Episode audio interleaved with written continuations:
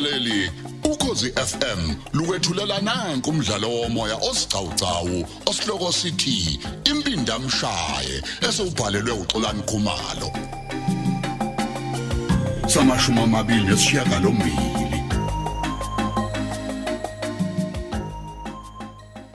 Uyabona yonke lento oyishoyo Sindi. Hayi mntanami, ayingithusi na kancane. Hayi enye inyoka ke ma enye ke nje ongayazi esebenzela uvizo. Uzinhle ma. Ngicela ukutshela ukuthi ungamboni ezenza muhle melana nje. Uzindlela osebenza nomkhonyana. Impela ma.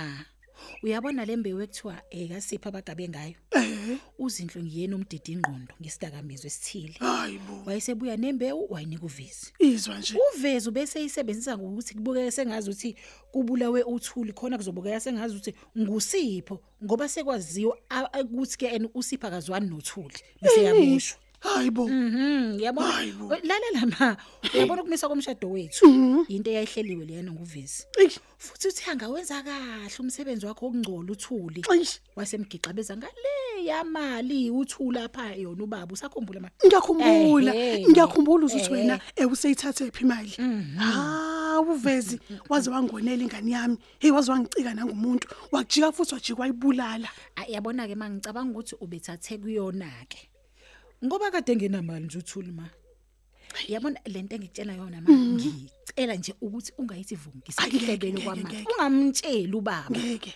uyabona? Yayikhumbula ingubo yayigqoko uthule emshadweni? Ngiyakhumbula. Ethe ngosipho nje leyo ngubo. Uyayisithathe ivela pheki imali ke Ey, ayingeke ngimtshele lutho ubaba wakho. Angaze aphahluke la uma esephuzile ahambe asibulalise naye uvezi lo. loyo. Uyazini mntanami? Ngoba nakho imali sikhona salwena sebenza yonke into edingekayo simfihle umntanami ngomgqibelo. Hayi kulungile ma kodwa ngizoqala ngiyolanda isitifiketi sokufa. Uzodwa yenzeka lento esehambile. Eh samshiya ezolandwa isoka lakhe kodwa ngizoke ngithi ukuthi ngidlule lapha kubo ngimbheke.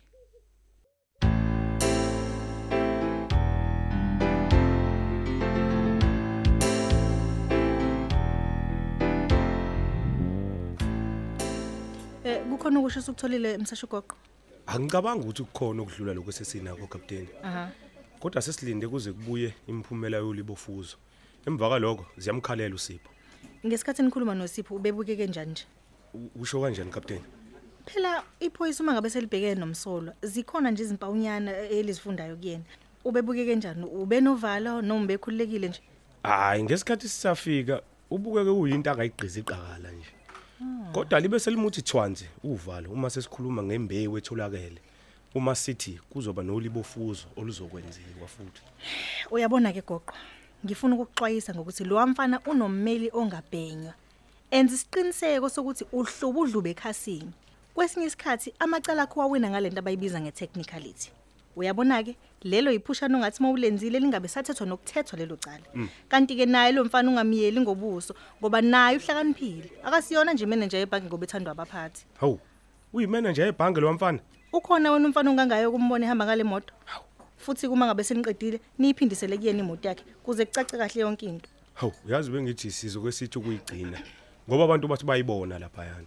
Bakhona nje futhi asebeke bafika bakuqinisekisa lokho. Ngoba bebona imoto efana neyakhe nani noma ngoba bebona yena esemotweni yakhe.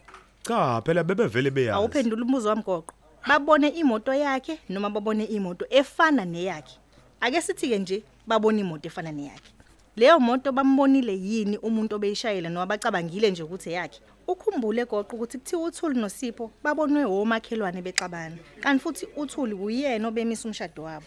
Cha, captain imoto ibifana neyakhe. Futhi bebekade bexabane mina. Angikuzwa kodwa uthi ombonile uthe uyena obeshayile leyo moto. Iwona ke lama technicalities ekade ngikhuluma ngawo. Njengoba usutholile nje ukuthi kwakuyimoto efanayo neyakhe, kuumsebenzi wakho ukuthi uyifune leyo moto uze nayo la. Lo mfana kube ezoshada nomakoti wakhona lapha yana. Umshado kwasewoniwa uyona ke lentombazane ebulewe. So ngicela naye kumakoti ke ukuthi ukumphenya phenya, umfake imibuzo nje.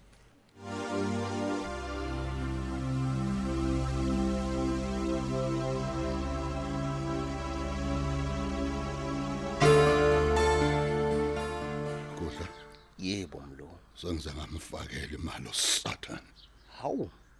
Usuyifakile. Oy, Wayifaka yonke lena beyifunile? Ayikho into ebengayenza kudla Awu. into esele nje manje ukuthi ngiye hostel eGoli ngiyofuna insizwa ezomfuna zisezimthole zemnqumulimi zize naye la kumina bayomthola kanjani mlungu umuntu ongamazi kwawena nokuthi uhlala kuphi? Eh kodla yebo mlungu. Uyazi kuyenzeka ukuthi uncede nje ayishayise endukwini ufe kunjalo kunjalo mlungu uyabona usikuqa? Usho ukuthi kade nje ayihlela lento yokuthi angishaye neqwantwala hayi ngiyakuzwa mlo nokho ke bengithi mina mlungu ake sithi ukulibala kancane. Indaba lo muntu ake sinake into zethu manje mlungu hayi. Mhlawumbe uqinisile nje kudla uyazi ngibona la sekusabalele nje wonke amaphepha nezinkundla zokuxhumana ukuthi uAsanda wenza umsebenzi omhle kakhulu lapha ya wokuthi ondla abantu. Wemlungu wena usezwa ngendaba. Mina mlungu sengiphuma khona. Hoyibo futhi nami mlungu ngivele ngacela ukuthi phela nami bangiphakele ngifuna ukuzwa nje ukuthi awu ngabe kumnandi yini lokho uthini manje. Hey abantu engibafice khona bawuvala umlomo ngokudla okuphekwe lapha na hey kahle iziswambithi kahle mlungu. ku- kuyadleka kodwa. Kufela emlonyeni mlungu hey hayi ukuthi kuyadleka kodwa nje hayi kwehla ngapha mlungu uyakutshela. Wake wawabona nama- a- a- a- amathamba nenyama mlungu. Hey, hayi hey uyabona ke kudla lolo dunyana lakhe nje kufanele lintshontshe kubo lwami. Awu kanjani manje mlungu? Akubukeke nje sengathi kwaba umbono wami ukuthi uma sibhala umxhasa. Okumxhasa kona kulungile kodwa ngicabanga ukuthi abantu sebeyazi ukuthi kube ngumbono wakhe lo futhi ke ngemali yakhe mlungu. Eh yonke lento le isakazwe ile ntombazane ewulinda. Wemlungu uyazi usakhuluma ngaye nje ulinda mina yazi ngicabanga ukuthi uyangithanda kodwa uma sihlangana wenza sengathi akakazi nje ambona umuntu ofana nami. Hayi mhlawumbe wayecabanga ukuthi ikona into wawuzomxoxela yona ngami. Eh, lalela ke kudla awuthatha imali ethe xaxa lapha na ya. Eh, uyobuzwa kuasanda ukuthi a- akukho yini mhlambe adinga ukuthi ngimxhase ngakho. Hayi hayi umasipala manje mlungu.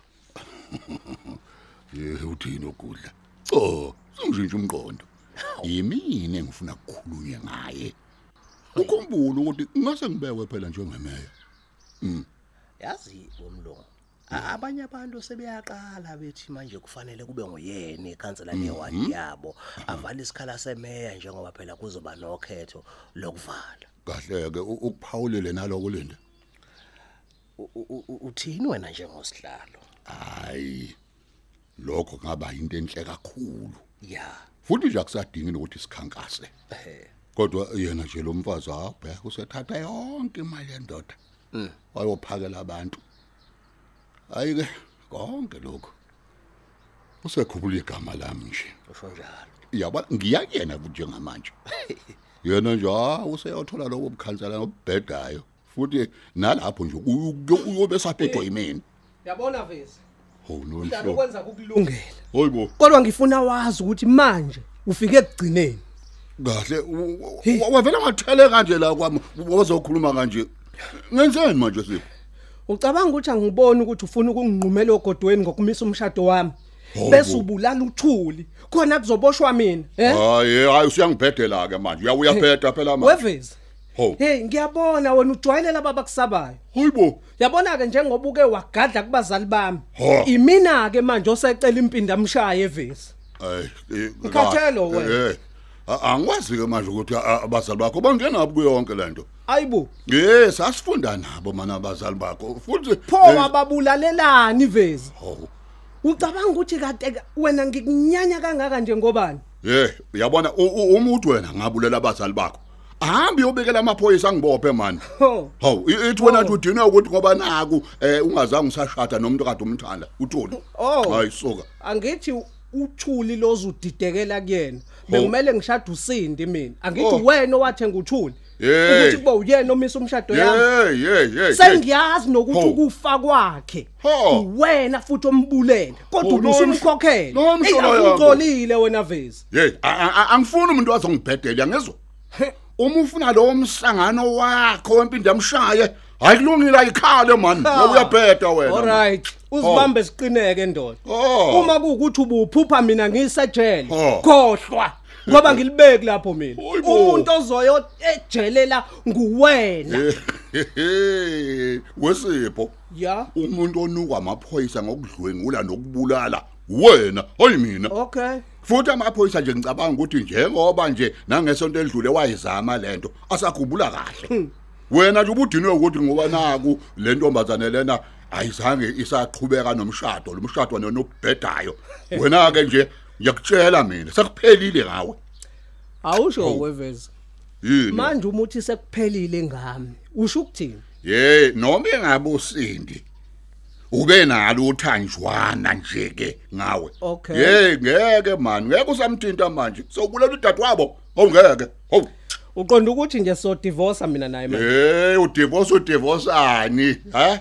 Divorce ani ngashadile. Hawu. Ubona wonke umuntu ukuthi lo mshadwana wena uyinto ebhuntshile. Yaphela. Hey kuyahlupha ukungabi nalwazi. Kodwa umuntu ebemdala futhi ephethe nabantu. Hey yini engayazi yini engayazi mina nosindi. Siye esontweni sesivele ye sesishadile nishada kuphi? Nishada phi? Hey Oh, angithi phela umbungazo womshado wethu. Hayi so le bekade nikhona kuona nitheni umisa nina bese kade sesishadile vele. Ye phela kuseni umshado hayi soka. Wevezi Ho. ekseni umshado uphele ngesikhathi ngimthela ngenyongo Ho. ngimamukela ngoba bese bemkhiphile kuba usindi yayi uyabona nje umbhedo wonke lento umbhedo lowo. Umbhedo wonke uyazongibhedela la. Wevezi Ho. usindi isibongo sakhe sekutenza manje. Oh. Usazoya nje home affairs ayoshintsha isibongo. Hey akasakufuni. Awu. Oh noma ngakuthiwa ku uyangifuna noma akasangifuni kodwa iqiniso lithena usengowakwatenza. Hey go on hamba futhi. La E- e- e- yazi mlungu kodwa ngo- ngokwesinto sengathi uqinisile lo hey mfana hey hey hey. Kudla? Ayikho into ayiqinisile. Usinda kasamfuni afuna kumbona nje Wam- wamlungu useyizwe ngobani indaba yabazali bakhe lo mfana? Be- bengithi mina phela le ndaba akazilutho nje ngayo mlungu. Ukusho ukuthi kusazoshuba mlungu uyabona ni kodwa? Hayi mlungu hayi u- u- ungabisawavala manje amehlo mlungu ungabisacwayisa mlungu onakele manje. Uyabona uma lo mfana e- esazi imfihlo ebucayi kanje? Uzolwela ukufa nokuphila ke manje. U- uyazi? Bengimangala nje ukuthi lo mfana usithathaphi isibindi ezingaka sokuthi alwe nami. Uyabona. Nje kumlungu manje mlungu ngiqhaqhazela amadolo kunentolo emadolweni mlungu. Lalela-ke lalela-ke lalela-ke ekudla. Ya mlungu. Anginandaba naye ngoba vele sengilung- sengilungisile laphana sengimlungisela umbhede wakhe lapha etshela awu. La iyakhona yena. Kusho ukuthi iyona lento wayethi akafuni ufe kodwa ufuna u- ukubona usajele mlungu. Ye ucabanga ukuthi uzobuthathaphi ubufakazi balo mbhede awukhulumayo? Akahamba ashona njengesipikili mani hawu ngeke ngenze lutho mina hayi ngiyakuzwa mlungu akahambe oh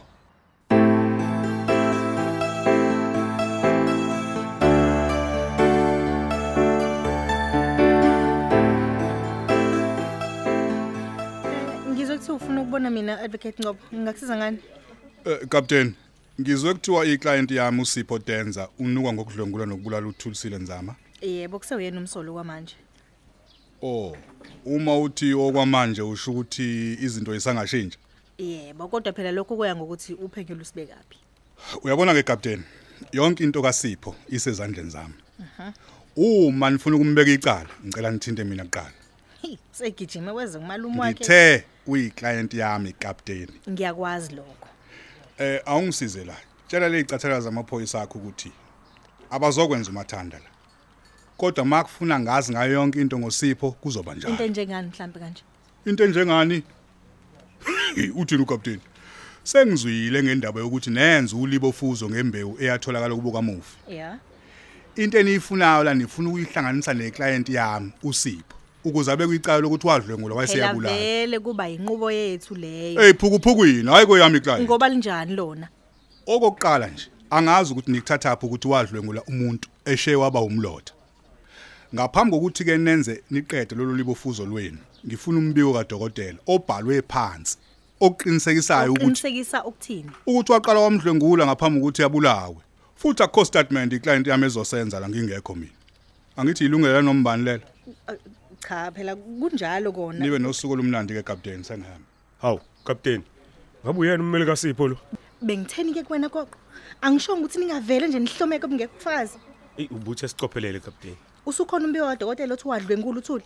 Kona akuzoba lula ngoba washa waba umlotha. kodwa nina kwedokodoleni seninomsolwa osekwenziwe ngisho libofuzo kuyena ngoba esolwa ngokudlengulo uyazi ukuthi ngaphandle kwalo libofuzo ohlanganisa usipho nokukhona kwakhe lapha ya akho cala la?